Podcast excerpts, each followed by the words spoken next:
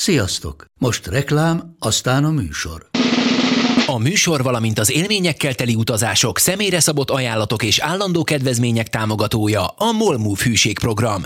Nyisd meg a Molmove appot a profilodba belépve, add meg a Sport TV promóciós kódot, és tankolj Molevo és Evo Plus üzemanyagjainkból 15 forint per liter kedvezménnyel. Ne feledd, a Sport TV promókóddal most még jobban megéri Molmove tagnak lenni. Vége a reklámnak, jön a műsor.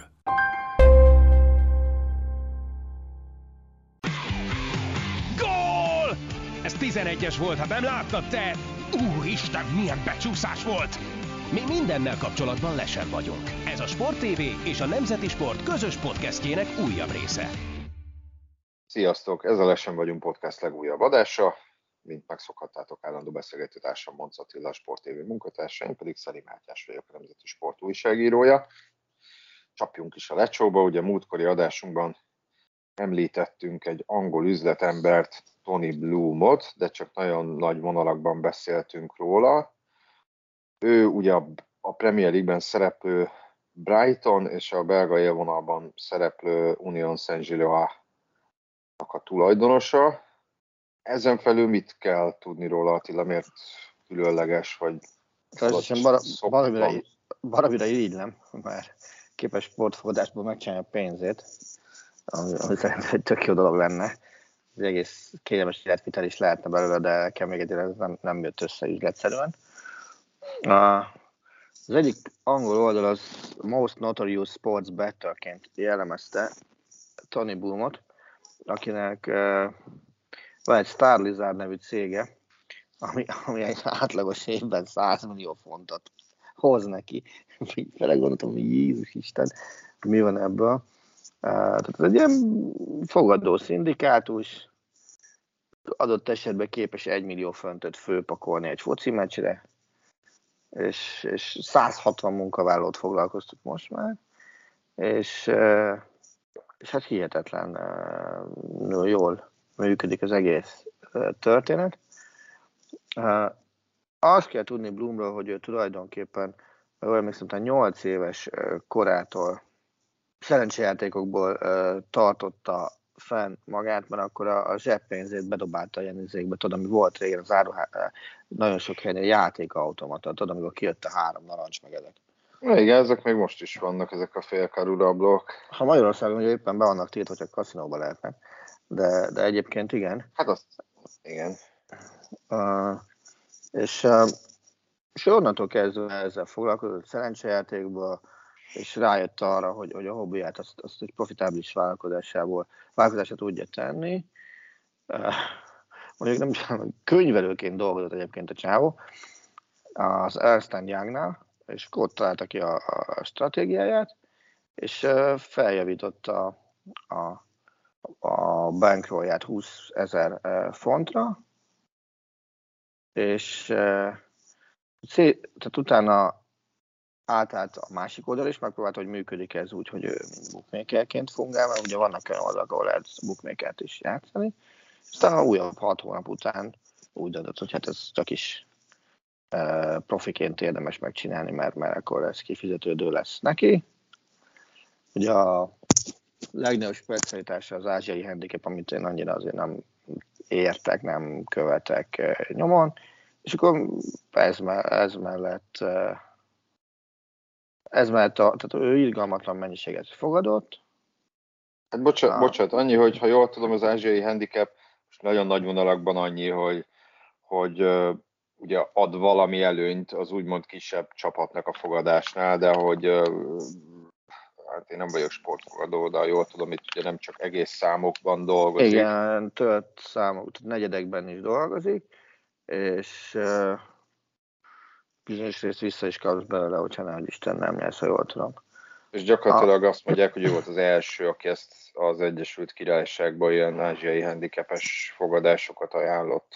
Na, és ez ugye már 90-es években játszott, és hogyha csak úgy számolsz, hogy ők úgy számolnak, hogy ilyen 3%-os megtérülési rátával dolgoznak egy évbe, és azért gondolj bele basszus, hogyha dolgozol 3%-os megtérülési rátával, és azt mondod, hogy 100 milliós nyerességed van, akkor passzus 3,3 milliárdot forgatsz meg egy évbe fogadáson. Az milyen kemény? Igen. És ha jól tudom, volt itt egy anekdota, hogy amikor az első ilyen uh, bookmaker cégnél dolgozott, 98-ban, akkor akkor ugye az volt, hogy a VB-nek a 98-as VB legvégén a, rábeszélte a vezetőséget, hogy a torna szerzett összes profitot tegyék fel a francia győzelemre a döntőbe. Uh-huh. Volt ilyen. Gondolom, gondolom azt... azt, azt Megdicsérték. Meg, igen, megdicsérték emiatt. A másik meg az, hogy ugye, amit még nem mondta, hogy Brightonban született, tehát abszolút egy lokál patriótáról van ezt a múlt adásban elmondtuk egyébként már. Hogy, hogy, a, hogy ez olyan, igen, hogy de hogy ez olyannyira igaz, hogy a nagyapja, meg ha jól tudom, a nagybátyja is tagja volt a Brighton igazgató tanácsának, és a gyerekkora óta járt meccsekre. Egyébként itt a beszámolók alapján egy elég ilyen visszafogott emberről van szó, aki az sem ritka, hogy mondjuk vonattal megy meccsre, és meg nem mondanád róla, hogy egy multimilliómos, azt a multimilliárdosnak nem lehet nevezni, de minden, meg nem mondanád róla, hogy egy ilyen iszonyatosan gazdag üzletember, és ugye amit mondtál... Most még annyi, hogy amire még föl lehetett figyelni nála, vagy amikor én fölfigyeltem rá, az az volt, amikor elkezdett pókerezni. Pontosan nem, ez hülyeség. Amikor a Sport TV elkezdett pókert adni, még akkor nem dolgoztam, itt az a 2000-es évek elején volt, és akkor még a, a régi klasszikusok ültek az asztalnál, és akkor Tony Bloom volt ott, arra emlékszem, Dave Ulió volt ott, akire Gyuri bácsi rendszeresen felkapta a fejét, Tony Guga volt ott, aki Tony G néven uh, futott, tehát ilyenekkel játszott, és akkor ott is nagyon sok uh, asztalnál föltűnt, volt, volt olyan éve, ugye a, a leírások szerint, amikor pókerből uh, nettó nem, bocsánat, 2000 évek elején nyert nettó 3,3 millió fontot még pókeren is. És Liza. Lizard volt a Betsa neve. Igen, ugye azért ugye azt mondják, hogy annyira hidegvérű, mint egy gyík. és ugye hát itt innen jön a, a, a szerencsejátékkal foglalkozó cégének, a Starlizernek a neve, ugye, ahol azt mondják, hogy seregnyi elemző, meg statisztikus, meg... meg 150 uh, munkavállalója 160. Meg egyéb dolgozó van, aki ugye próbál minél jobb képet kapni itt a fogadási uh, uh, piacról, viszont hát ugye most már 2009 óta a Brightonnak a tulajdonosa, és 17-ben jutottak vissza Premier League-be. Nagyon sok pénzt beleölt a klubba, nagyon sok infrastruktúrális fejlesztést hajtottak végre, és ez, a, ez az analitikus megközelítés, bocsánat, ez a, hogy mondjam, a klub működtetésén is érződik, és szerintem ilyen szempontból a Graham Potter menedzser kinevezése is beleillik ebbe a sorba. Szerintem a Brighton, bár ugye most éppen nem túl jó heteken van túl, de, de elő, erőn felül teljesít, vagy legalábbis mindig, nekem mindig az az érzésem, hogy ö, olyan erőn felül teljesít, mint amit várnak tőle. Viszont egy dologgal kapcsolatban nekem nincs ezzel neked baj, nekem azért vannak kellemetlen érzéseim azzal kapcsolatban, hogyha egy klub tulajdonos, egy klub tulajdonos a sportfogadással foglalkozik. Nem visszás szerinted? Szerintem nem, mert normális helyeken ki van kötve, hogy te nem fogadhatsz a általad érintett sorozatokra. Aztán kész. Az ugye, ugye... Tegnap, jött ki, tegnap jött ki pont az a hír az NFL kapcsán, Calvin Ridley, a, hú, most hirtelen meg nem mondom, ugye megnézem melyik csapatnak a játékosa, az fogadott uh, a, a meccsekre az NFL-ben, Atlanta Falcons elkapója, és, és fogadott a meccsekre öt napon keresztül novemberben, amikor, amikor uh, sérült listán volt mentális egészségi problémák miatt Uh-huh. És, és akkor összesen 1500 dolcsit tett fel a meccsekre saját bevallása szerint. És ezért kapott egy laza egyéves eltiltást most a ligától. De az NFL erre azért figyel, hogyha valaki akaszt, azt irgalmat van megbünteti. Az ESPN-en volt egy statisztika arról, hogy, hogy 1963 óta figyelnek arra, hogy lehetőleg ilyenben ne keveredjen bele senki, és azóta összesen öt játékost tiltottak el tiltott fogadások miatt. Ez egy másik... Ez Angli... ja, bocs, mondjad?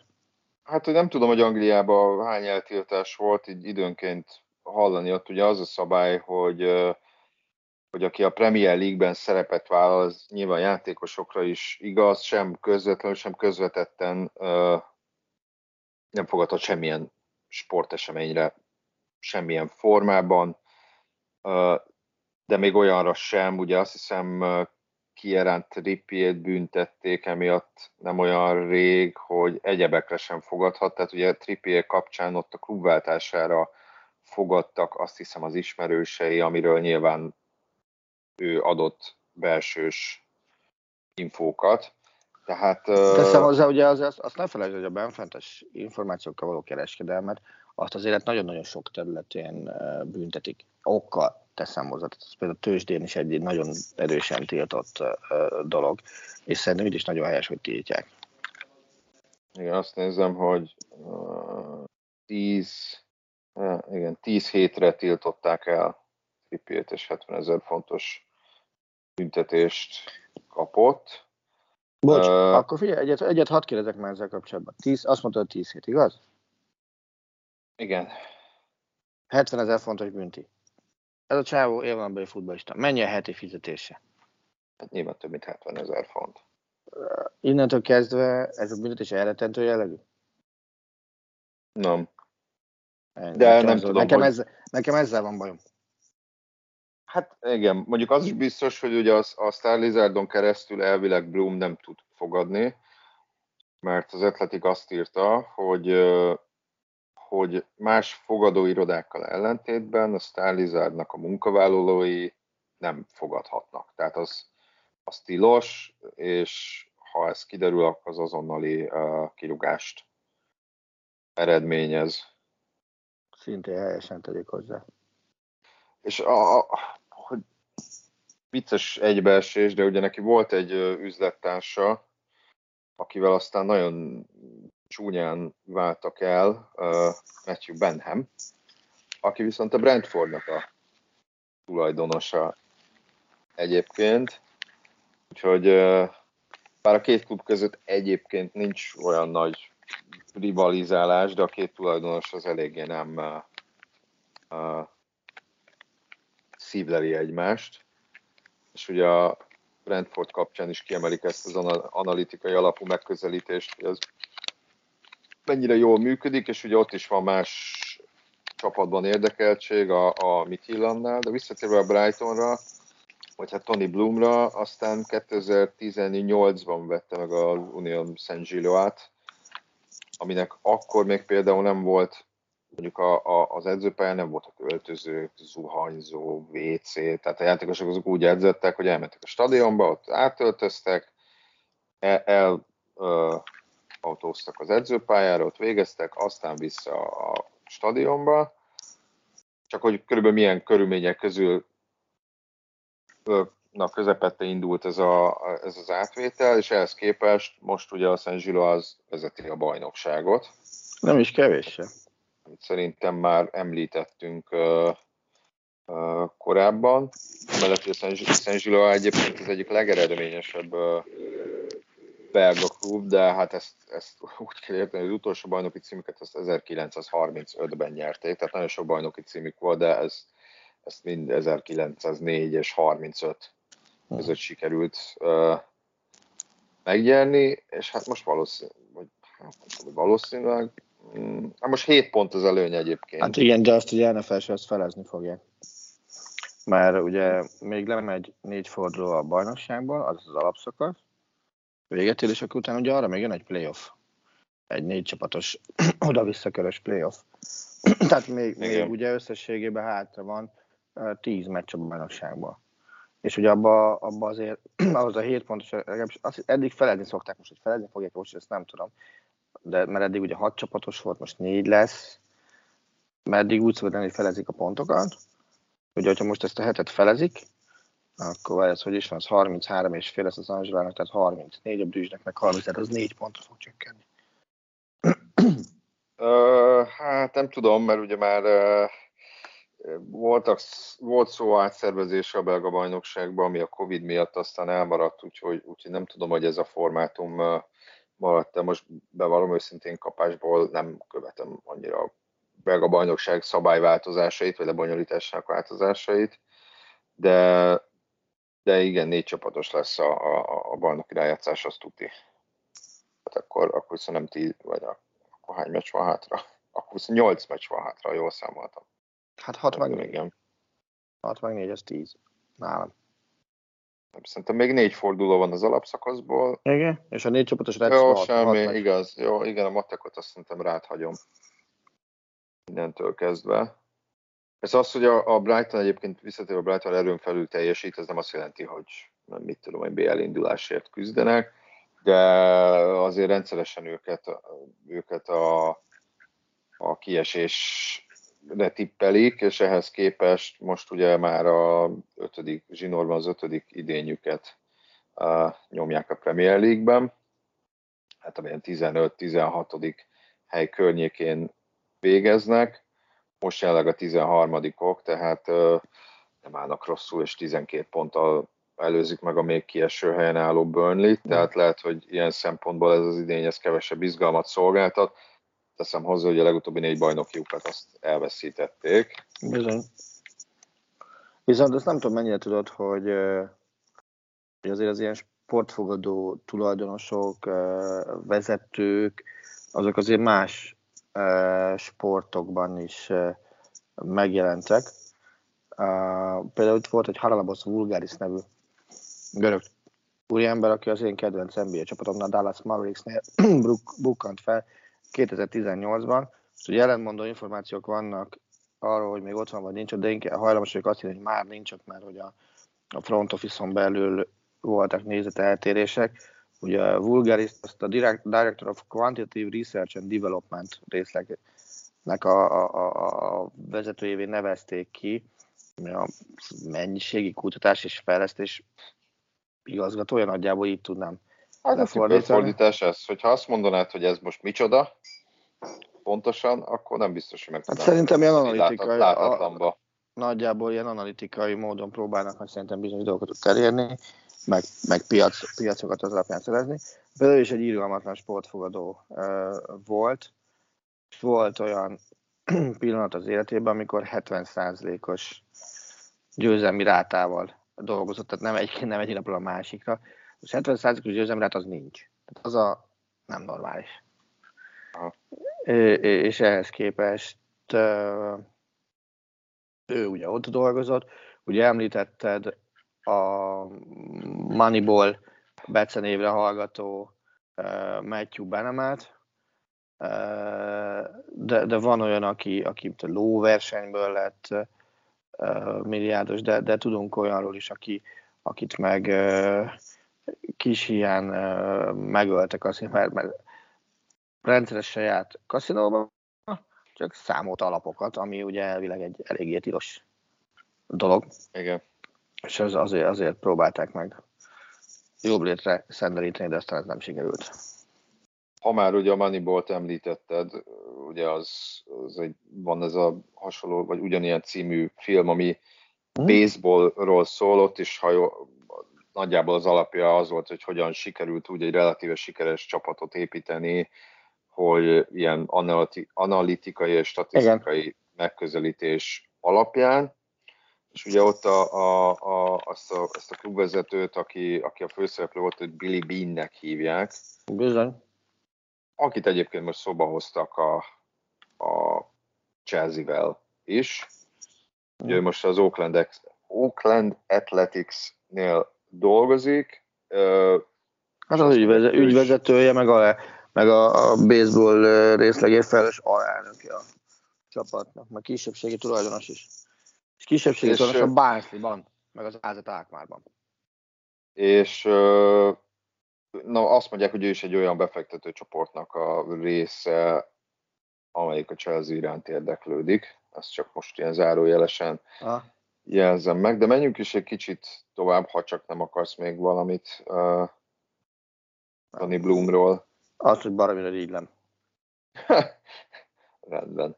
Uh, de még a Premier League-nél maradunk, hiszen rangadót rendeztek hétvégén, ez a Manchesteri derby volt az Etihad stadionban, ha nevezhetjük rangadónak, mert ugye annó Sir Alex Ferguson nem sorolta a Manchester City-t a, azon ellenfelek közé, akinek az elleni meccseit ő, ő rangadónak tekinti.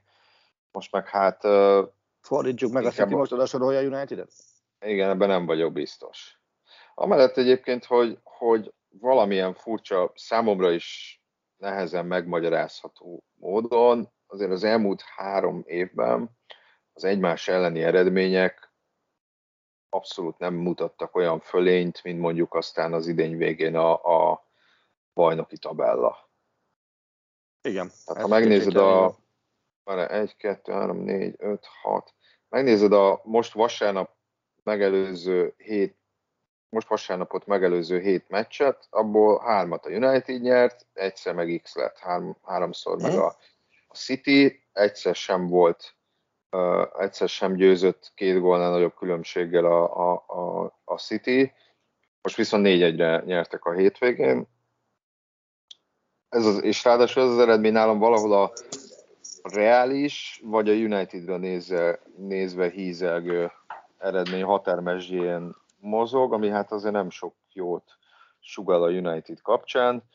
Hozzá kell tenni, aki esetleg nem nagyon követte ezt a mérkőzést, hogy hogy a mérkőzés előtt Ralph Rangnick elárulta, hogy Luke Shaw és Rafael Varane koronavírusos, tehát az a kb. a védelem fele ki is esett, illetve ugye Cristiano Ronaldo-nak van egy sérülése, amit van, aki elhisz, hogy sérült, van, aki azt mondja, hogy itt csak arról van szó, hogy nem játszott volna, vagy nem kezdett volna, és megsértődött, és egyébként vissza is utazott Portugáliába, ezt nem, ennek nyilván az igazság alapját nem tudom minden eldönteni, illetve Edinson Cavani is volt bevethető. Maradt tulajdonképpen egy olyan játékos, akire azt mondanád, hogy tud klasszikus centert is játszani, még ha nem is ez az elsőleges posztja, az Marcus Rashford, akit Rangnick egyébként a padon hagyott. És tulajdonképpen voltak olyan, hát mondhatjuk Bruno Fernández volt az előre tolt csatár, de Paul Pogba is uh, úgy előrébb játszott. Még az első fél időben még, hát most nem azt mondom, hogy tartott a lépést a, a United a City-vel, voltak azért olyan időszakok, amikor azt látszott, hogy olyan intenzív letámadása van, ami megnehezíti a City labda kihozatalát, kontrából szereztek egy gólt, ugye erről is sok szó esett, hogy nagyjából ez lehet az, ami számukra célra vezető lehet, de aztán a második fél az egészen, egészen tragikus volt a, a United szempontjából, amelynek a védelme amúgy is nagyon szörnyen működött az a védelem, amit hát nem tudom, 140-150 millió fontból raktak össze. Hát konkrétan nulla volt az xg a Unitednek a második felidőben. Ezt értetőbbre lefordítva gyakorlatilag még, még nem volt olyan helyzetük se, tehát még egy félpályáról eleresztett kósza lövésük se, ami bármilyen minimális veszélyt jelentett volna a Citynek a, a kapujára. Uh-huh. Úgyhogy ez nagyjából érzékelteti a két klub közti különbséget. Amellett, hogy most még azt sem mondanám, hogy Rangnick ezt taktikailag elszúrta ezt a meccset, mert gyakorlatilag az, ennek a mostani Unitednak hát, hát a labdabirtoklásban esélytelen felvenni a versenyt a city vagy arra, hogy mezőnyfölényt alakítson ki, vagy irányítsa a mérkőzés, hanem itt tényleg arra lehet uh, játszani, hogy, hogy nagyon-nagyon stabil kőkemény védekezéssel és, és villámgyors kontrákkal, és azt már mellékesen jegyzem meg, hogy így ebben nem vagyok biztos, hogy így Ronaldo nagyon hiányzott is, hogyha ezzel a hozzáállással, vagy ezzel a, a csat, haditervel állsz ki Manchesteri derbim. Hát igen. De, de szerinted mondhatjuk ezt, hogy hát persze, hogy ekkora különbség van a két csapat között, tehát a Manchester City gyakorlatilag olajdollárokból működtetik, végtelen a zsebe, és hogy ez, és hogy ez nor, normális, hogy ekkora különbség van a két csapat között. Normális szerinted? Nem. Azért Manchester Unitednél ott szerintem ez az félrement. Nagyon finoman fogalmazva. Próbáltam. Ugye, de, de tulajdonképpen igazából az a fajta notórius keresgélés, hogy megtalálni Sir Alex Ferguson utódát, szerintem az is sokaknak az idegeire megy, vagy mehet. Tehát az öreget nem lehet pótolni, szerintem egész egyszerűen szakít, tehát szakítani kell ezzel a fajta hozzáállással, azt hiszem, talán így, így, így tudom jól megfogalmazni. Kell keresni egy olyan embert, aki a saját elvei szerint jól el tudja vezetni a United-et szakmai alapon. Lehet, hogy nem egy ember lesz ilyen, és a klasszikus vezetőedző, sportigazgató leosztást kéne megvalósítani, mint annyi, az angol futball a menedzseri szemlélet miatt azért sokszor óckodik. De, de az, hogy, hogy adott esetben van olyan, akivel indokolatlanul hosszú a türelem, lehet még Solskjaer, azt, azt ugye azért mind a ketten mondjuk, hogy az, az már kicsit hosszú ideig tartott, ami, amíg bíztak benne. Most meg, most meg van, hogy van egy ilyen ex állapot, ami szintén szerintem méltatlan egy ilyen klubhoz, hogy jön ráfrágni, szerződik, ugye vezetőedzőnek. De csak a szezon végé, és azt mondja neki, utána ülj át majd egy másik székbe. És majd jön helyetted valaki vezetőedzőnek. Most ugye március 8-át írunk, utol, innen is boldog napot minden kedves hölgy hallgatónak. És azt látjuk, hogy senki nem tudja, hogy a Manchester United milyen irányba kíván tovább haladni 2022. július 1-től. Erről beszéltünk egyébként, hogy, hogy, hogy alapvetően Ragnik kinevezése egy jó elképzelésnek tűnt. Ez így van. Ezt még most Tehát, is tartom. Hogy, hogy elsősorban ő nem menedzser, elsősorban nem menedzserként kell tekinteni, de nyilván idény közben nehéz, sőt akár szinte lehetetlen azt az embert kinevezni, akit te nagyon szeretnél, ezért ennek van értelme, hogy ez az ember oda kerül, és aztán segít az új menedzser kiválasztásában, új szakmai alapokra helyezni a klubot, de, nem, de még mindig nem tudni, hogy neki mennyi beleszólása lesz ebbe az egészbe, és amikor annó erről beszéltünk, akkor idéztük őt is, ami riasztónak tűnt, hogy igazából, amikor vele tárgyaltak, ez Rangnick maga nyilatkozta, nem is hangzott el, hogy, hogy, hogy mit terveznek vele pontosan, és ez abszolút beleillik a Unitednek az elmúlt kilenc évébe, amiből számomra, ha nem is teljesen, de a Cityhez képest iszonyatosan hiányzik a tervszerűség. Tehát, hogy más stílusú edzőket neveznek ki. Aztán ezeket a más-más stílusú edzőket, ugye más, más stílusú játékosok ö, szerződtetésével próbálják támogatni. Tehát, hogy az átigazolási stratégia sem feltétlenül tűnik koherensnek. Uh, egyáltalán nem De figyelj, akarom... akkor, akkor viszont muszáj megkérdezni azt, amit, amit, amit meg akartam. Van ott egyetem bármilyen stratégia is? Hát de nem úgy, tűnik, nem úgy tűnik, mert ugye hallhattuk, nem tudom, azt is majdnem tíz évig, hogy na majd jön egy sportigazgató.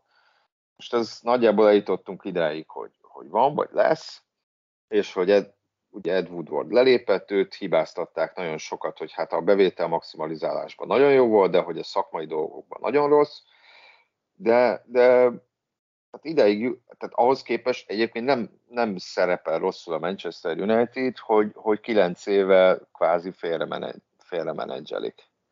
Tehát ahhoz képest még azt is mondhatjuk, hogy, hogy lehetne ennél rosszabb is. Ugye az, például az Arzenálnak azért voltak rosszabb időszakai, de a két csapatot nem is hasonlítanám össze, mert, mert, mert a United egyébként közel annyit költött mint a Manchester City az elmúlt években. A City azért valamivel többet, de nem mondhatod azt, hogy azért van ilyen hatalmas különbség a két csapat között, mert, mert, mert mondjuk a United annyira ilyen átgondolt, vagy spórolós átigazolási politikát folytat, hanem egész egyszerűen nagyon leegyszerűsítve a City jól igazol, Manchester United nem. Ez nem jelenti azt, hogy City-nél ne lennének olyan igazolások, akik nem jönnek be, ilyen az átigazolási időszak. Akkor erősítesz jól, hogyha több hasznos játékost igazolsz, mint rosszat.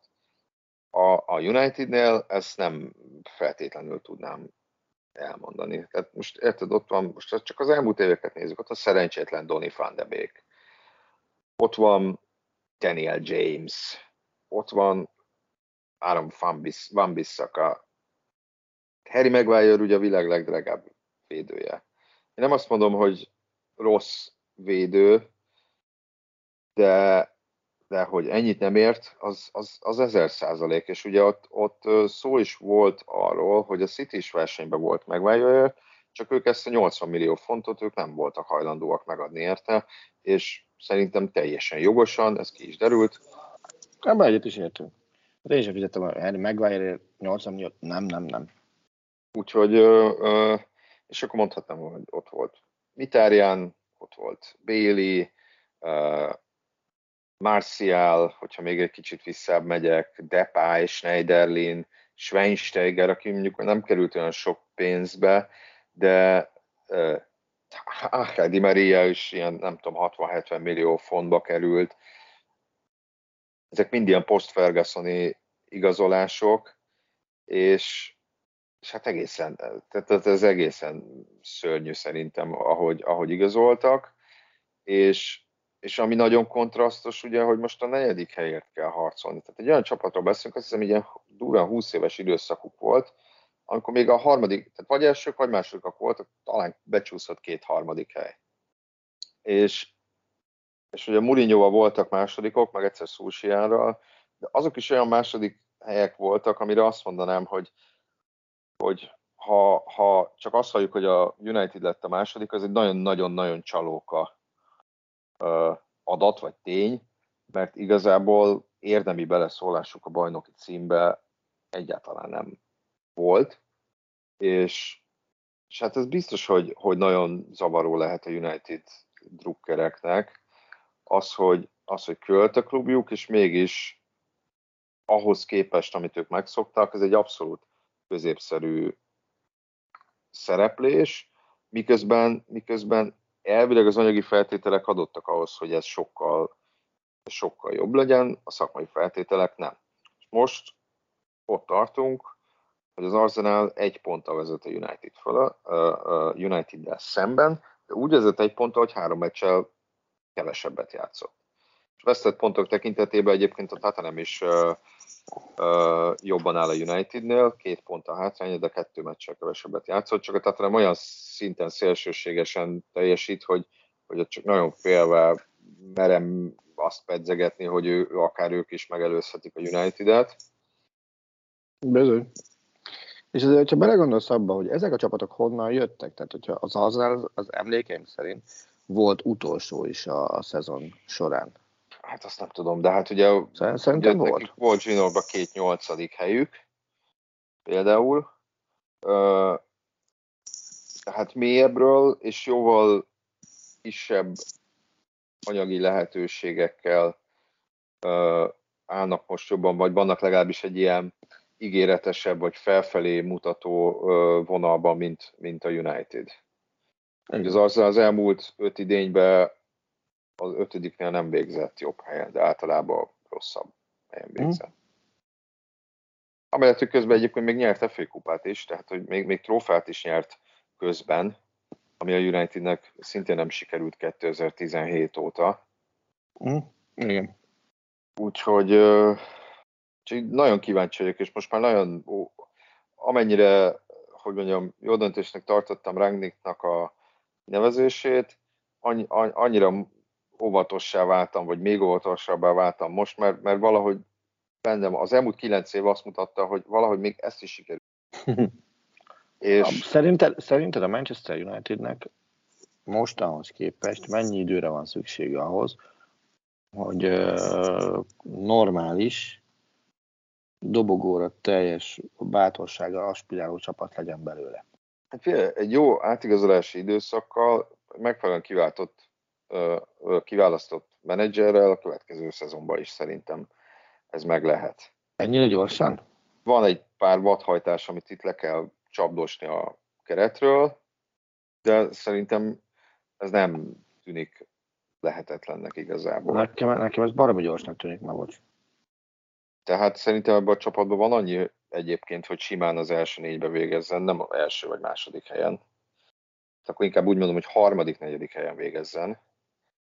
De, de mondom, én, én szkeptikus vagyok azzal kapcsolatban, hogy ez, ez, ez sikerül nyáron. Uh-huh. És én, én továbbra is arra hajlok, nem akarom, hogy itt Ronaldo fóbiásnak tartsanak, hogy nem, igazából szerintem nem volt rá olyan különösebben nagy szüksége a csapatnak. Na most meg te fogalmaztál udvariasan. Igen, hogy, hogy értem, meglátták benne a lehetőséget. Vannak bizonyos nem feltétlenül futball szakmai előnyei az ő szerződtetésének, de, de hogy mondjam, 37 éves Cristiano Ronaldo hoz magával, van egy olyan, hát hogy mondjam, hozott nem értékel, hanem bizonyos dolgai, amik azért részben megkötik a menedzsernek a, a, a kezét, akár tak, például taktikailag, és, és itt az a nagy kérdés, most félretéve azt, hogy mit értek Cristiano a pályafutása során, hogy a pályafutásnak ezen a pontján a, a, a, a prók azok több pro van-e az ő szerződtetésében, mint kontra. És erre hát, nem tudok, és erre nem tudok egyértelmű választ adni, még úgyse, hogy ő a csapat házi gól királya. Nyilván össze volt olyan időszak, amikor véletlenül tudtál volna egyértelmű választ adni. Azt lehet mondani, hogy gyakorlatilag a BL csoportkörből ő lőtte őket tovább. Csak, csak ugye az véget ért decemberben, és azóta, azóta erre sokkal nehezebb azt mondani, hogy, hogy ő, na, ő ebben, ebben vagy ebben érdemben lendített a Manchester United-en. És nyilván az sem segít egy ilyen csapatnak, hogy, hogy vele kapcsolatban folyamatosan, folyamatosan érkeznek azok a hírek, hogy elmehet, nem azt csinálja, amit kell, stb. stb. stb. És nem biztos, hogy egy, egy ilyen helyzetben az a legfontosabb, hogy Ronaldo lelki életével vagy sorsával kelljen foglalkozni. Hát az is, meg, meg nekem, tehát nekem az volt az érzésem egy kicsit a nyáron, hogy a Manchester Unitedhez, meg a Premier Leaguehez nálam sokkal, de sokkal jobban értő szakértők is azt mondták, és ez többször látszik ezen a csapaton, hogy iszonyatos nagy szükség lenne egy normális középső közé. Egyrészt a mm. védekezésben is jó, de, de nagyon közben nagyon-nagyon labda biztos, el tudja indítani a támadásokat és voltak is még ilyen átigazolási plegykák ennek kapcsán, de hogy az volt az érzésem, hogy megszerezték Sancho-t, az új angol csoda gyereket, vagy a következő angol klasszist, nem tudom, és megszerezték a, a, az öreg klasszist, ami egy részben nem bárt lehetőségnek tűnt, és akkor igazából tessék, hoztunk két olyan játékost, ami, ami izgalommal töltheti el a, szurkolókat, akkor most dőljünk is hátra, és akkor megtettük, amit, amit kellett, miközben nem. Mm. Tehát, hogy, hogy, hogy, hogy kicsit, mint hogyha megint sútba dobták volna a szakmaiságot az ilyen, hát nem tudom, PR vagy marketing szempontok előnyére. Nekem, nekem ez legalábbis úgy tűnt. Igen, és ez meg ugye azt erősíti, hogy, hogy nézd meg ki a tulajdonos, és nézd meg, hogy mi az első számú célja. Nyilván a nézőknek az első számú célja az, hogy a, a klub megvásárlására felvett hitelt, az törleszék, törleszteni úgy tudják, hogyha a profitot termelnek, profitot úgy, úgy tudnak termelni, hogyha Ronaldóból kiaknázzák azt, ami benne van. Igen. Nagyon, nagyon, nagyon sarkosan fogalmazva. Igen, de hát ezek ugye nem új keletű problémák a United-nél, mint ahogy azt említettük meglátjuk, hogy mi van benne itt a tavaszi szezonban, mi lesz ennek a vége. Uh, nyilván nem a nagy kép alapján nem tragédia, hogyha ez a csapat lemarad a BL-ről, a szurkolóknak az lehet, de megint mondom kontrasztos, hogy, hogy, hogy, hogy az a kép, amit a klub magáról sugároz, az a játékos keret, ami van, hogyha csak a neveket nézzük, az alapján viszont, viszont nagyon nagy uh, pofára esésnek tartanám, hogyha ez nem sikerülne. Bizony. De erről még úgy is beszélünk, úgyhogy még egy nagyon kis időnk van, és hát itt van bajnokok ligája is a héten, ugye majd ked reggel van, hát most a mai két mérkőzésen, ugye a Liverpool, Interen, Bayern, Salzburgon el tudod-e képzelni, hogy ne a Bayern és ne a Liverpool menjen tovább?